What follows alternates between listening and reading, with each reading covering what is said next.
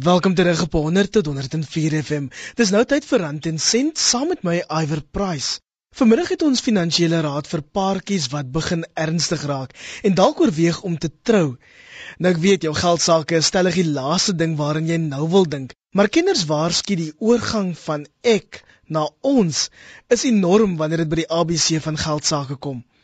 My gas is Henry van Deventer, die hoof van sakeontwikkeling by Axis in Johannesburg. Hy draat oor hoe paartjies saam 'n nuwe finansiële raamwerk vir hul toekoms kan opstel en hy weet ook wat die slaggate is waarvoor jy moet uitkyk. Hy is immer self onlangs getroud. As jy wil saamgesels, SMS ons op 3343 teen R1.50 per boodskap. Vandag wil ek by jou weet, hoe voel jy oor gesamentlike bankrekenings? Is dit 'n wyse ding of is dit dalk beter as paartjies liewers apart na hul inkomste en uitgawes kyk? Henry, wanneer paartjies begin ernstig raak, is die laaste ding wat hulle waarskynlik wil deel hul finansiële agtergrond. Hoekom is dit juist so belangrik? Ek dink in die eerste plek raak jy aan 'n bitter belangrike punt. Jy weet ons geld en ons finansies is 'n bitter intieme ding vir ons almal. Jy weet en en, en dis een van daai kwespunte waar 'n mens baie selfbewus voel want die realiteit is dat meeste van ons kom uit 'n moeilike finansiële situasie uit op een of ander stadium van ons lewe. Die tweede ding is, weet daar's as ons kyk na eienaarskap en die emosies wat daarmee saamgaan, weet daar's daar's min dinge in die lewe wat werklik ons eie is. So as 'n ou gaan begin kyk na na die finansies en die geld en die vryheid wat dit vir ons beteken. Ja, dit is nogal 'n groot stap om nou skielik saam met iemand te begin sit en te sê, "Oké, wel, weet ek gee daai goeie prys." sodat ons kan skuif na iets anders en verskillend toe. So ek dink dit is nie so seer altyd 'n kwessie van die geld as wat die opoffering van die vryheid wat daarmee gepaard gaan die groter probleem is nie. Maar die realiteit is, as 'n verhouding verby 'n bepaalde punt gaan beweeg, is dit krities dat 'n mens begin oop kaarte speel. Want as 'n mens nie so maak nie, is dit net 'n kwessie van tyd voordat jy in 'n situasie gaan opeindig waar of jy of jou beter helfte in 'n posisie gaan wees wat hulle finansiële in die knyp is. En glo my, dan gaan ons bitter spyt wees dat ons nie vroeër daaroor gepraat het nie. Jy praat nou van oop kaarte speel. Wat is die soort dinge wat 'n mens op die tafel moet lê wanneer dit by jou geld sake kom? Soos met enige beplanningsoefening, ai, wat is die belangrikste punt om te sit en te sê, okay, right. Weet, kom ons begin met waar ons is in die belangrikste waar ons graag wil wees. Ek dink 'n ding wat mense dikwels mis as dit kom by gesels oor geld, is die feit dat dat geld basies 'n middel tot 'n doel is.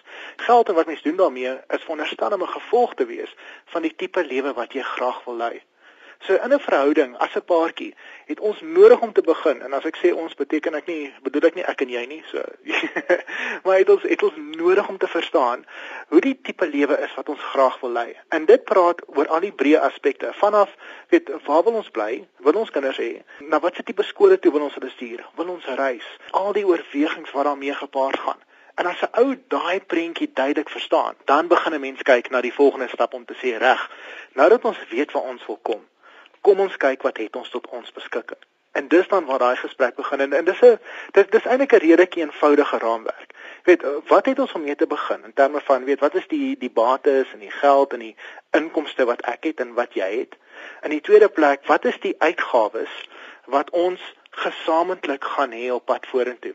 Want vir alles mense begin kyk na trou en as mense begin kyk na 'n lewens 'n lewenslange commitment met daai persoon in 'n verhouding, dan dan moet 'n mens begin besef weet goeie soos jou verbandbetalings gaan gehalveer word. Die dag as jy trou en dit trek saam in 'n huis en nou jy beskiklik weet as daar nie twee verbande om te betaal nie. En 'n paar van daai ander uitgawes gesamentlik gaan groter word. Jy die meubels vir die huis koop en die res van die goederes wat daarmee saamgaan. So so in kort Wat is die dinge wat ons gaan nodig hê en waarop gaan ons nodig hê om my geld uit te gee? En as dit beteken daar's 'n bietjie meer vet as wat daar andersins was omdat ons soveel van die uitgawes begin deel, krities belangrik. Wat gaan ons met daai vet maak? Want as ons nie doelbewuslik besluit oor wat daai ding gaan wees nie, dan gaan 'n mens op die ou en daai geld uitgee. Dit is nou maar een van die realiteite van die lewe. As daar geld in die, in jou bankrekening lê, gaan 'n mens dit uitgee. En die enigste manier wat jy jouself kan verhinder om so te maak, is om voor die tyd 'n alternatiewe besluit te neem. Kom ons praat oor die spooke van die verlede. Wat is die soort finansiële dinge wat skielik in 'n verhouding kan verskyn om verhoudings om te krap? Die dinge wat moet uitgesorteer word voor 'n finansiële raamwerk beplan kan word. Wel, vir alles mens jonger is, is die enkele grootste beginpunt waarskynlik skuld. Weet ons ons almal het skuld veral vroeg in ons lewens. Weet daar's min mense daar buite wat kontant kan betaal vir 'n huis of kontant kan betaal vir hulle eerste kar. Wat wat ek nodig het om te verstaan is in die eerste plek as ek in 'n verhouding gaan instap en as ons same lewenspaadjie gaan stap. Wat se skuld is daar tans in jou lewe en en en ook baie belangrik, wat is jou geskiedenis met skuld? As ons vandag kyk na die syfers rondom uh, mense met met slegte rekeninge, slegte rekords en swart lyste as dit kom by die terugbetaling van skuld, dan is dit nogal redelik aanswekkend om te oorweeg dat omtrent 47% van aktiewe skuldgebruikers in Suid-Afrika 'n swak betalingsrekord het. So statisties beteken dit, jy weet, meeste van ons het 'n het 'n 50% kans dat die persoon in ons verhouding, weet, miskien geswarthuis is of 'n swarthuis was op 'n stadium. En dit gaan beteken dat as ons same huis wil koop of as ons same kar wil koop of as ons same skuld aangaan, dan sal ons dit nie kan doen nie. Weet so so in die eerste plek rondom geraamtes, kom ons verstaan wat is ons geskiedenis met skuld en dat ons verstaan dat ons duidelik daar rondom is. In die tweede plek, nou ja, ek weet ek dink dit is altyd 'n goeie idee om te verstaan die gans wat die goue eier lê. Jy weet die persoon met wie ek in 'n verhouding is, Dit kan ons verwag dat daar 'n redelike konstante inkomste stroom gaan wees op pad vorentoe. Of het hulle geskiedenis daarvan dat hulle werk vir 6 maande en dan vir 6 maande weet oor die wêreld gaan reis en terug en heen kom. Dit is miskien interessant as 'n mens nog by uitgangsfase is want daar's daar's goeie stories om na te luister, maar die realiteit is as ek gaan begin staat maak op jou vermoë om gesamentlik by te dra tot ons huishoudelike inkomste, dan het ek nodig om te verstaan hoe bestendig daai prentjie is en hoe bestendig my verwagting gaan wees. Dis nog 'n groot aanpassing om te maak, hierdie oorbeweeg van ek na ons, veral in die finansiële sy. Hoe doen mens dit? Wel, wat sommige sê is nee, natuurlik is die eerste ding wat ons nodig het om te doen is om 'n gesamentlike bankrekening te open.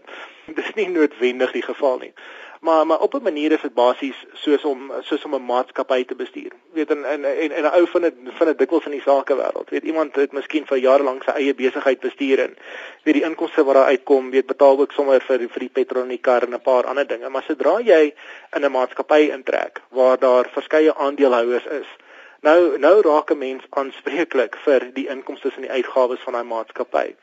En 'n verhouding is baie dieselfde ding. Die realiteit is, weet die die ek oorwegings, die dinge waarvan ek hou om geld op uit te gee, sal ek waarskynlik nie kan volhou nie. En die eerste stap vir my om te besef, soos in enige verhouding, is die feit dat daar bepaalde dinge is wat sal moet verander. En om daai gesprek te hê op die regte manier, het nie noodwendig nodig om 'n finansies gesprek te wees nie. Dit moet meer 'n gesprek wees rondom wel as ons saam kyk na die lewe wat ons gaan leef hoe gaan daai ding lyk? En nie alleen wat is die dinge wat ons wil hê nie, maar ook wat is die dinge wat ons waarskynlik gaan nodig hê om prys te gee en aan te pas. En die finansiële gesprek gaan gevolg daarvan wees. 'n Verkeerde manier om hierdie ding te doen is om te sê wel weet waar gaan jy minder geld uitgee waar gaan ek minder geld uitgee of waar gaan ons meer geld uitgee? Uh dis nie dis nie regtig waar die groot vraag nie. Die groot vraag is kom ons stem ooreen oor 'n lewe wat ons wat ons saam wil hê, punt nommer 1. Punt nommer 2, kom ons werk dan met die finansiële gevolge van daai besluit. En punt nommer 3, nou dat ons die finansiële gevolge verstaan in terme van weet wie gaan dinge bydra tot wat, hoe daai begroting gaan lyk. Kom ons kom ooreen rondom ons met mekaar gaan gesels en hoe ons met mekaar gaan werk rondom die bestuur van daai finansiële aspek. Kyk, die realiteit van 'n verhouding is, weet daar's altyd iemand wat warm kry en iemand wat koud kry. of ten minste in, in in my verhoudings in my lewe was dit die geval gewees. En op dieselfde manier is daar altyd mense in 'n verhouding wat beter is op dissipline en beter is op admin en beter is om te kyk na weet die bankrekening en die in die syfers en daar's ander mense wat miskien minder so voel. So wat ek moet verstaan in daai verhouding is wie gaan wat doen? Weet en wanneer iemand oor daai lyn trap en dit gaan gebeur van tyd tot tyd hoe gaan ons dan werk met daai dinamiek? Want as 'n mens nie suksesvol daai raamwerk in plek kan sit aan die begin nie, dan gaan jy op op op op op 'n stadium op 'n kol kom wat jou egos begin seer kry en jy gaan in die gesig gevat voel en jy gaan baie sensitief voel en baie seer gemaak voel. Jy weet as mens nie reg daarmee werk op grond van daai reëls wat jy voor die tyd ooreengekom het nie. 'n Ander belangrike ding om te doen is om jou maat op die hoogte van jou finansiële status te bring. Dis nou dinge soos bates, beleggings, wat nog? Wat verklaar 'n mens en wat mag jy maar vir jouself hou indien enigiets? Ek is getroud se 4 jaar terug. En en, en een van die dinge wat almal vir my gesê het is voordat jy trou, gaan praat met 'n huweliksberader. So wat ek myself 'n huweliksberader is, nie is een van die belangrikste lesse wat ek geleer het voordat ek in die huwelik getree het, die feit dat daar daar nooit 'n 'n goeie plek is vir geheime weet in 'n in 'n ernstige langtermynverhouding nie. Kyk, een ding wat ek besef, weet as as dit gaan kom by wat ek deel en wat ek vir myself hou en en, en wat wat in ons gesamentlike kielie gegooi gaan word. In die eerste plek ons almal het geraamtes in die kas. Ons almal het verlede finansiële besluite waar waaroor ons nie trots voel nie en waarmee ons nie weet baie gelukkig saamleef nie. Die beste punt van advies wat ek kan gee vir iemand in 'n verhouding is moet niks wegsteek van mekaar nie. Moenie inligting van mekaar wegsteek nie. Weet jy, die sukses van 'n verhouding soos wat die weet die ouens soos Dr. Philip Oprah vir 'n mens sal vertel. Die sukses van 'n verhouding lê lê in, in volkomme oop kommunikasie. So punt nommer 1 moenie iets wegsteek vir jou wederhelfte nie. Die tweede punt is, dis nie noodwendig sleg om 'n bietjie van jou eie op die sy te hou nie. Weet solank mens verstaan wat dit is, want as ek weet my my finansiële kontrak, my finansiële ooreenkoms met my wederhelfte 'n verhouding op die tafel gaan sit, is dit dis meer gereeld as nie 'n goeie ding om te sê, okay, weet hoeveel van hierdie gesamentlike geld wat ons het, van die inkomste en van die van die uitgawes wat ons het, hoeveel daarvan is ons in weet gesamentlik as 'n as 'n paartjie en hoeveel daarvan weet is myne weet dalk wil jy vir jouself ietsie op die op die sy hou om uh, om weet daai CD's te koop of 'n ekstra ronde golf te gaan speel of wat ook al die geval mag wees en dis dis great daar is niks daarmee verkeerd nie maar waar dit 'n probleem word is as ons dit begin doen sonder dat ons wederhelfte daarvan weet. Want want dit begin 'n ding krap wat nie nodig het om gekrap te word nie. So kom voor die tyd ooreen. Hoeveel is ons in? Hoeveel is myne? En wees net oop in hoe jy dit met mekaar kommunikeer. Met ander woorde, voor jy die ja woord gee, moet jy praat oor dinge soos bates wat jy dalk mag hê, eiendomme, motors, beleggings en dan ook aanspreeklikhede soos kredietkaartskuld en persoonlike lenings. Daar's vier eenvoudige oorwegings: bates, laste, inkomste, uitgawes. Daar is jou basiese omgewings wat jy wat jy wil dek. Iwer jy sal die spyker op die kop as jy so praat van van bates en, en wat daai bates bedoel. Ja, jy weet dis dis weet jou huis en jou kar en jou beleggings is 'n is 'n baie groot deel daarvan. En uh, jy weet vir alles wat jonger is, is die laste 'n groot deel daarvan. En, en ding is 'n ou ding laste dan dink jy aan huisskuld of karskuld. Maar wel meeste ouens se duurste laste lê is rondom daai daai impuls aankope, jou klere rekeninge met jou meubelsrekening. As jy kyk na jou kruideniersware, dis so maklik om daai rekening en goederes oop te maak en dis eintlik waar jou dieskuld begin oploop. So, dis nie die groot laste nie, dis al die laste. Die inkomste is nou ja, dis maklik genoeg hoeveel geld verdien ek en hoeveel geld verdien jy. En dit klink nou 'n eenvoudige ding, maar dis skokkend om te sien, veral in Suid-Afrika in 'n konservatiewe gemeenskap wat ons is. Hoe min mans en hoe min vrouens, veral hoeveel vrouens daar buite is wat nie weet hoeveel hulle mans verdien nie. So ons het nodig om te verstaan dat hoe ons ouers groot geword het rondom kommunikasie van geld moet verander want die tye waarbinne ons leef het verander. Ons is nie meer in daai era waar daar slegs een brood wanneer 'n huishouding is nie. Daar is nou twee en ons moet verstaan wat elkeen se inkomste is en wat die uitgawes is wat daarmee gepaard gaan. So as jy daai vier dinge dek, is 'n ou op 'n baie goeie punt. Die tweede ding wat 'n mens ook moet oorweeg is as iets met een van ons sou gebeur, vir alles mens begin kinders kry en dies meer. Weet, hoe gaan ons daai leemte aanspreek? En weet daai versekeringsgesprekke, en weet ons almal haar, weet versekerings en testamente. Dit is is woeste gesprekke en swaar gesprekke om te hê, maar bitter belangrike gesprekke. Verstaan, as iets met jou of met my gebeur, is daar genoeg om daai gat vol te maak sodat ons ons kinders weet in ons gesamentlike huishoudelike lewenstyl kan volhou. En punt nommer 2, as die ergste sou gebeur met jou of met my of beide van ons, is daai testament in plek. En as dit nie is nie, nou ja, vir alles uit die dag gaan trou, is dit seker een van die enkele belangrikste punte om te begin. Dis ek sê Henry van Deventer hier op Rand en Sent en die SMS'e stroom in hier op 3343 van luisteraars wat wil sê oor gesamentlike bankrekenings vir paartjies wil sê.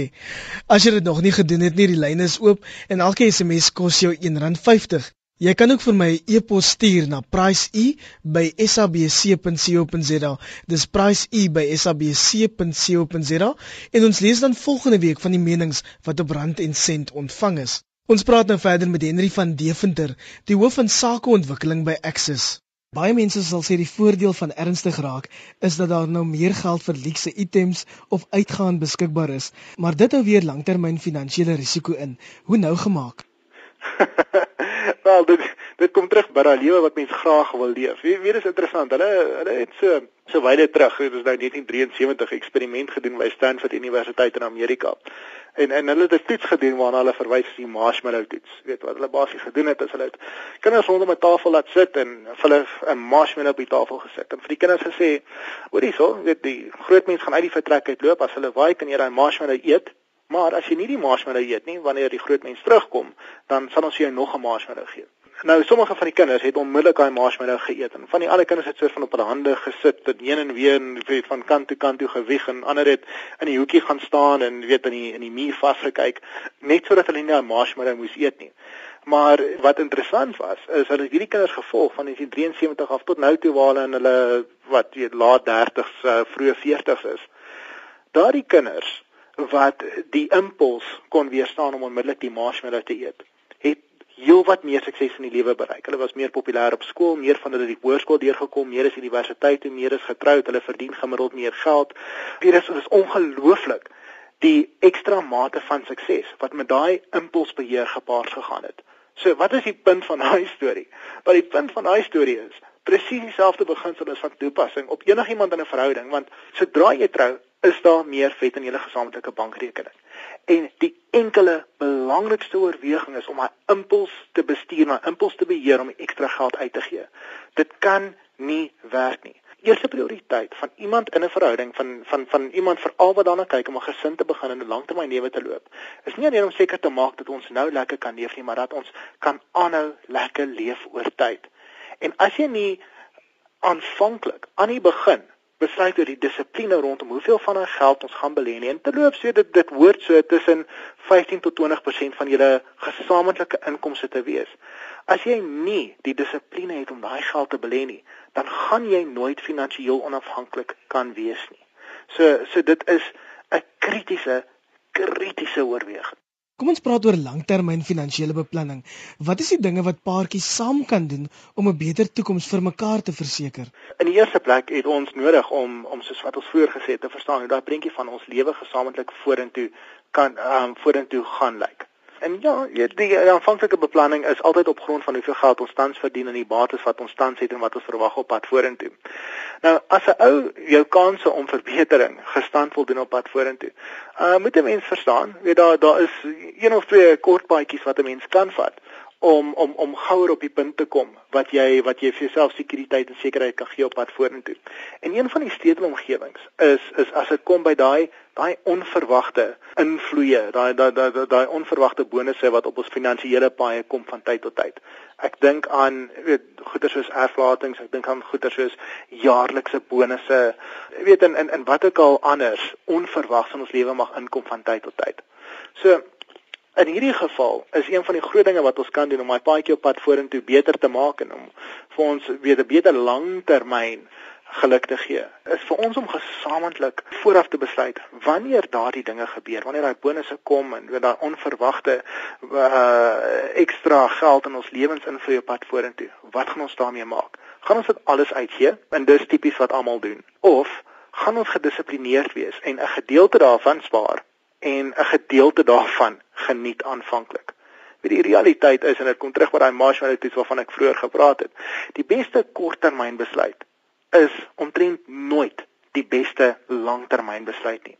So as ek in 'n verhouding vir beide van ons die beste langtermyn finansiële situasie wil verseker, gaan ek nodig hê om aanvanklik te aanvaar dat korttermynbesluite nooit die regte besluite gaan wees nie. En as ek nie 'n uh, 'n uh, 'n uh, 'n uh, onmiddellike reaksie het rondom hoe ek maar daai geld gaan werk en daai onverwagte voordelige situasies gaan werk wanneer hulle die dag opkom nie, dan gaan ek waarskynlik 'n korttermynbesluit neem wat nie in my beste langtermynbelang gaan wees nie. So so verstaan die langtermynprentjie, verstaan die reëls rondom besluite vir die langtermynprentjie en wanneer ook al iets onverwags gebeur, laat die langtermynprentjie jou besluite lei. Op watter stadium van 'n ernstige verhouding of 'n nuwe huwelik besluit 'n mens om 'n gesamentlike bankrekening te open om al die geld in een pot te gooi? Nou ek moet vir jou sê ek en paartjies wat al 15 jaar getroud is en dit steeds nie doen nie. Ek ek weet jy Iver, ek is ek is nie verbaas daaroor nie. Ek dink weet daar's baie insig buite wat sê dis 'n kritiese stap en weet dit dit wys vir jou vertroue vir mekaar en alles wat daarmee alles waarmee gepaard gaan. Ek dink solank soos wat 'n ou daai daai oop kanale van kommunikasie het. So so so versies wat ons daaroor gepraat het. Ja, weet dit is soms gemaklik, weet en veral as jy kyk na bankkoste, is dit is dit is dit goedkoper om saam een bankrekening te hê. Maar dit is nie 'n kritiese nodige ding nie. Dit sê dit, dit is regtig nie 'n nodige ding nie. Waar dit egter voordelig is, as ons vroeër gepraat het oor die feit dat daar daar's altyd weet een meer gedissiplineerde en een minder gedissiplineerde persoon in 'n verhouding of meeste van die tyd is dit die geval. En as die persoon met minder dissipline weet sukkel of swaar kry of of of iemand hê wat wat saam met hulle kan werk, dan 'n gesamentlike bankrekening 'n baie meer handige oorweging. Weet as jy kyk na iets eenvoudigs soos SMS'e wat deurkom elke keer as daar 'n kredietkaart transaksie is, So mense weet dat, dat dat een persoon in 'n verhouding miskien onder temptasie gaan soog. Gaan 'n gesamentlike bankrekening jou toelaat om outomaties meer openlik met mekaar te handel en te verstaan wat die wat die ander hand doen as dit kom by die uitgee uitgee van die geld. Maar as beide gedissiplineerd is en om weet persoonlike redes dit makliker is om aparte bankrekeninge te hou, is dit ook fyn. Dis nie 'n probleem nie. Solank as wat 'n mens aanhou om oop met mekaar te wees rondom wat aangaan in jou finansiële lewe. As mense oor see se tydskrifte deurblaai, lees jy gereeld van ooreenkomste wat voor die huwelik aangegaan word. Want kom ons wees nou eerlik, tot die helfte van die huwelike ook in Suid-Afrika hou nie. Hoe belangrik is hierdie ooreenkomste? Dit is redelik krities belangrik en en, en dis seker nou maar waar die waar die regsgeleerde in my na vore kom. Hierdie ding is belangrik, ek dink van wie 'n verskeidenheid redes. In die eerste plek moet 'n ou verstaan as mens gaan kyk na die sielkunde daar agter. Daar's baie, ek dink meeste paartjies as hulle die dag trou sê wel, weet ons is lief vir mekaar en ons verhouding gaan hou vir altyd. So, hoekom het ons eers 'n huweliksvoorwaarde kontrak nodig? Wel, 'n huweliksvoorwaarde kontrak gaan nie regtig eintlik dikwels oor oor of jy gaan skei of jy nie gaan skei nie.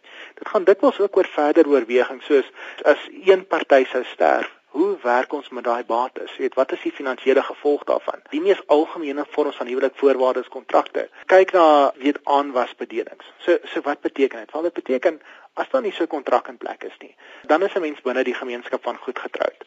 En dit beteken dat weet helfte van al my bates is helfte van al jou bates. Punt nommer 1. Punt nommer 2 as iets verkeerd sou gaan met een van die gades, daar's miskien slegte skulde, jou besigheid vou miskien die dag en dies meer, dan is daar nie 'n geweldige groot mate van van beskerming vir daai helfte van die bates van die een party nie. Weet jou jou bates aan die geheel is op risiko. Nou as ons dit vergelyk met huweliksvoorwaarde kontrak. Weet daar daar is 'n soort van weet met en sonder 'n aanwasbedeling waarna mens gaan kyk as jy as jy gaan trou. Wat beteken hierdie twee dinge? Wel, as jy gaan trou sonder 'n aanwasbedeling, beteken dit weet alles wat my was, weet voordat ons trou en nadat ons trou, bly myne en alles wat joune was, bly joune. En as iets sou skeefloop, kan hulle nooit aan my geld raak of uh, aan my geld raak nie. Hulle kan net aan jou geld raak as dit as dit jou skuld en jou probleem was en en andersom. Weet die dag ook as 'n mens sou skei, nou ja, weet dan is wat myne was, bly myne en wat joune was, bly joune. So dis wat dit beteken om sonder 'n aanwasbedeling te trou buite gemeenskap van goed. Die ander opsie is om te trou buite gemeenskap van goed maar met 'n aanwasbedeling. So so wat beteken dit? Alles wat myne was tot en met die dag wat ons trou bly myne en alles wat joune was tot en met die dag wat ons trou bly joune. Maar vanaf die dag wat ons trou is alles wat ons gesamentlik verdien en wat ons gesamentlik bou, iets wat ons gelykop gaan deel tussen die twee van ons. Weet jy, dit maak dit baie makliker as mens kom by egskeiding en al daai tipe goeders want daar's nie daar's nie onnodige weet seer kry en fights wat gefight word om om om te sê wie se bates is wie se nie. Daar's 'n baie gelyke verdeling van daai bates tussen die man en tussen die vrou. En dis nogal 'n redelike groot lewenstyl besluit en implikasie waarna mens kyk, want wat mens dikwels vind is weet byvoorbeeld sal sal 'n ma besluit wanneer die kinders kom om hulle loopbaan prys te gee of om te begin halfdag werk sodat hulle na die kinders kan kyk. So daar is 'n groot finansiële opoffering wat gepaard gaan. En as 'n mens nie voor die tyd 'n kontrak in plek sit om seker te maak dat daai opoffering vergoed gaan word nie. Nou ja, dan mag 'n mens in 'n situasie opeindig waar indien mens sou skei, weet die een party baie baie slegter as die ander een sou afwees en dis nie noodwendig altyd die regverdige ding nie. So gesels Henry van Deventer, die hoof van sakeontwikkeling by Axis, en dit bring ons dan aan die einde van vanmiddag se rand en sent. Onthou ons lees volgende Sondagmiddag om 04:30 van die menings wat op 3343 ontvang is. Ek is Alver Price in Kaapstad en jy luister na 100 tot 104 FM. Totsins